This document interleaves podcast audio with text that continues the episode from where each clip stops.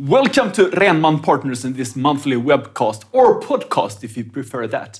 My name is Henrik Mitelman. I'm joined today by Henrik Rhenman and Kasper Holsten. We're going to discuss the great month of January and, of course, the outlook going forward. So tell me, what was January like? It was a good month. We have had three good months now in a row, and uh, it's a completely different sentiment for our sector. Um, still not extremely good outperformance of the sector, but it's a it's a much broader uh, tape. Uh, small and large companies compete to be best, and uh, we see um, a much more interest uh, towards uh, our sector in general. So it's it's it's really nice to be a portfolio manager right now. right, you look happy. but, but I mean, and this stands in quite some contrast to last year when it was just sort of Eli Lilly and Novo Nordisk that really performed. Exactly. So now we are seeing uh, the medtech sector works finally, one of the better performing sector in the month. Large cap pharma again works very well. We're seeing the deal environment actually starting to take off uh, in the in the last couple of months from from last year, as well as in January during JP Morgan, a couple of deal were announced. And you had some acquisitions in the fund. Uh, we had two in January and uh, seven last year. Yeah. And uh, the M&A climate is much better. Uh, the companies are stating that they would like to acquire more companies. Um, they, they say that they want to acquire smaller companies, uh, but I would do the same even if I was interested in larger companies. Because there are, of course, fewer companies that are large that uh, would like to be acquired, and people would know which one it is. Right, right. So they keep that to themselves. Exactly. So another sentiment.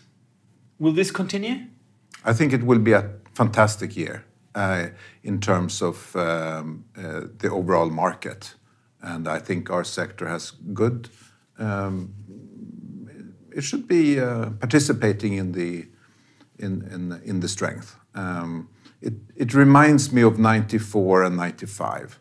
Remember, 94, a lot of uh, interest rates um, from central banks was increased uh, in the US 300 basis points in a fairly short period of time.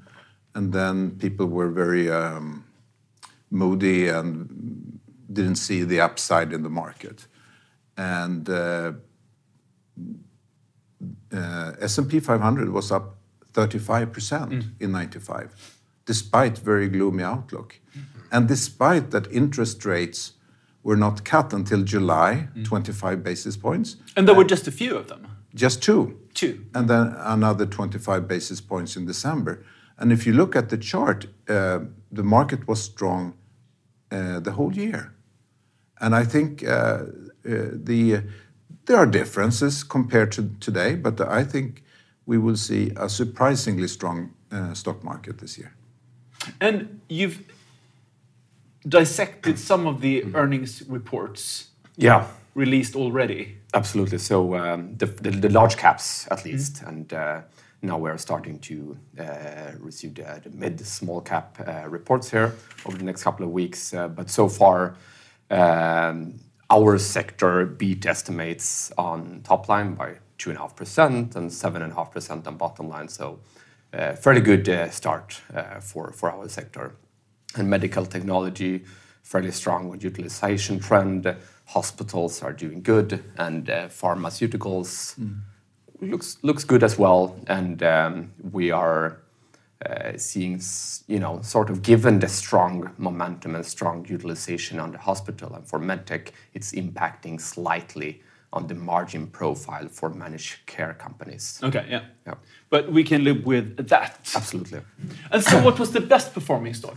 So the best performing stock there was Shockwave Medical, uh, and uh, we saw the great momentum within medtech. And they talked warmly about uh, the prior authorization for one of their procedures, so that impacted the stock Okay. very positive. And that caused the rally. exactly. a broad rally in your healthcare space. So, going forward, you convey a very optimistic message. About the stock market Yeah. and uh, I hope and think that our sector will participate. And what about valuation? 18 and a half in terms of uh, forward PE, and that's about uh, historical average. Yeah. So it's and a bit below the S&P 500 average. below, and uh, I would say if you have an average PE, but your fundamentals is above average, Right. it's a bright outlook. Yeah. Good final words from Henrik Rhenman. Kasper Holstein, thank you so much. Thank you all for watching and listening. We will be back next month.